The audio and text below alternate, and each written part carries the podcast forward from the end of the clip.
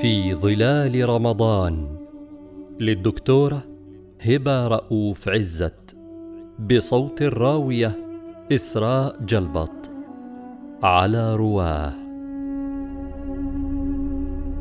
رمضان وجودية المعاني ومعاني الوجود.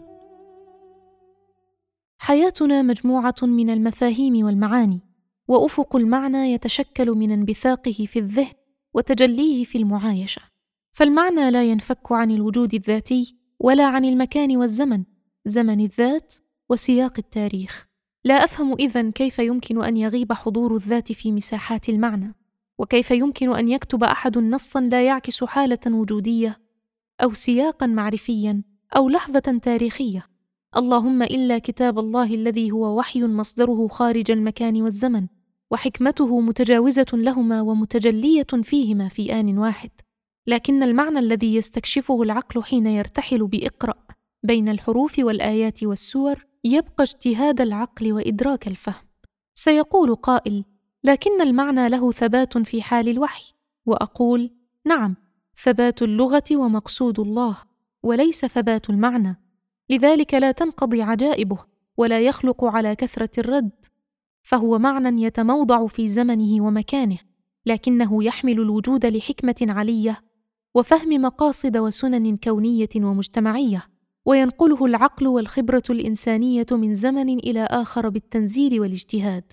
من هنا جدلية العقل والوحي والمعنى والوجود والزمن ومن هنا خلود الوحي لأنه يستجيب وإبداع الخالق في العقل لأنه يسأل ويجيب ويتجدد ويتفاعل.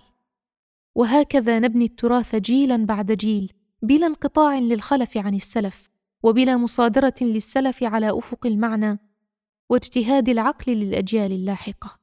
يدفعنا هذا إلى التفكير مجددا في قضية الذاكرة.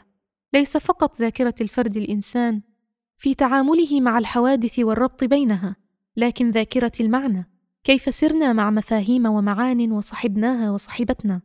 بعضها بقي وصمد والآخر سقط منا على الطريق. وكيف استدعينا بعض السواقط وأحييناها؟ وكيف ننسى؟ وكيف نتذكر المعاني مع خبرة الحياة؟ في ذهني ارتباط بين معنى العدل وصورة أبي. هذا الذي لم يكن قارئا نهمة بل كان رياضيا نشطا في وقت فراغه. لكنه علمني معاني عظيمة كان يمارسها بدلا من أن يتكلم عنها. منها معنى العدل. فقد كان حريصا عليه في تنشئتي غاية الحرص. فلم أعرف معنى التمييز بين الذكر والأنثى بل ربما كان ما عايشته هو تمييز إيجابي لمصلحة الأنثى الطفلة في رعاية وحنو ودفع إلى التفوق ودعم مع الأيام يزيد ولا ينقص. ثقة مخلوطة بالرحمة ومحبة ممزوجة بالتدريب على الاستقلال والاعتماد على النفس وفي مشاهداتي له في حركته في الحياة كان رحمه الله يجسد مسؤولية الإنسان عن العالم. يهتم بأمر من حوله بإخلاص يصل إلى حد الاندفاع ويراجع نفسه بعد الغضب فيحنو من دون أن يتردد أو يستكبر. تلك المعاني تعلمتها منه فاختلطت بمفهوم العدل بشكل لا ينفصم ولا ينفك عن الوجود ذاته. وكثيرا ما أجدني أقدم تعريفات للمفاهيم تعتمد على خبرتي الوجودية بأكثر من المعاني الراقدة في بطون الكتب. فقد أراد الله أن يكون دوري في الحياة تعليم الأجيال الشابة رؤية المفاهيم ماثلة في الأذهان مستمدة من مصادرها وأصولها وشاخصة للعيان متجسدة في العلاقات الواقعية والحياة الاجتماعية والسياسية. وشاء الله أن يكون تخصصي ومجال تدريسي هو عالم الأفكار والنظريات السياسية وربطها بعالم الوجود ومدارات الذات الإنسانية والحركات الاجتماعية والأبنية والعلاقات السياسية. في رمضان تغيير لطبائع الاستهلاك. لكنه أيضا زمن متجدد لترويض طبائع الاستبداد فهو ليس فقط علاقات قوة يمارس فيها حاكم ما استبداده في زمن ما بل الكارثة في تحول العلاقة الظاهرة إلى علاقة مستبطنة تخترق طبقات الوعي والوجود.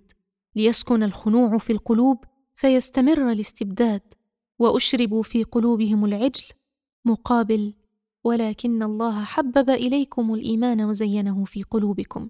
والفتنة والأزمة هي في الدنيا التي تسكن النفس فتسلم قيادها للاستهلاك ثم لا تنهض من ركونها إليه إلى استغناء يورث عزة ويتيح الخروج من ربقة الذل والهوان والرؤية المادية للعالم التي تستبد بالبشر فيقبلون بالأدنى ويتركون ما هو خير وأبقى فيصبح قبولهم للاستبداد أسهل. لذا ليس غريبا اقتران الإمبريالية الاستعمارية القديم والجديد بالرأسمالية والاستهلاكية. من هنا فإن المعاني تظهر في حركة الوجود سلبا أو ايجابا وتنساب مع السلوك فعلا أو تركا وتتحقق في القلوب يقينا وحقا أو التباسا وغيا. في المعاني وجود وللوجود معان وتبقى الذاكرة قضية في غاية الأهمية. لأن الوعي الوجودي لا يظل يقظا طول الوقت فقد يغفو بل قد يموت. فيعيش الناس كالأنعام أو أضل صم بكم عمي. لذا كان تجدد رمضان كل عام ليذكرنا حين ننسى وينبهنا حين نغفل ويوقظنا حين تغفو أرواحنا.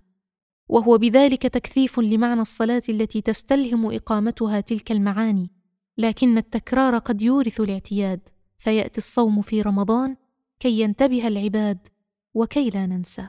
وكما ينسى الأفراد قد تنسى الأمم وكم شاهدنا من فرد تحول وعيه باكتشاف معنى. وقد تغفو أمم ثم تستعيد وعيها حين تستيقظ الذاكرة التاريخية. لذا كان رمضان وكان موسم الحج كل عام تذكرة للأمة.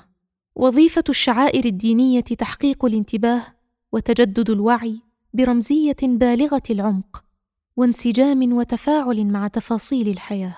وفي القرآن وصف دقيق القلوب تعقل والأفئدة تفقه. إنه اكتمال الوجود باليقين وبحركة العقل في التاريخ لتحقيق الاستخلاف والبحث الدائب عن الحقيقة وفي السيرة والسنة معان جليلة في هذا المضمار. لمن كان له قلب أو ألقى السمع وهو شهيد. رمضان ليس موسما بالمعنى الشعبي. رمضان صحوة معنى ووجود. والله أعلم.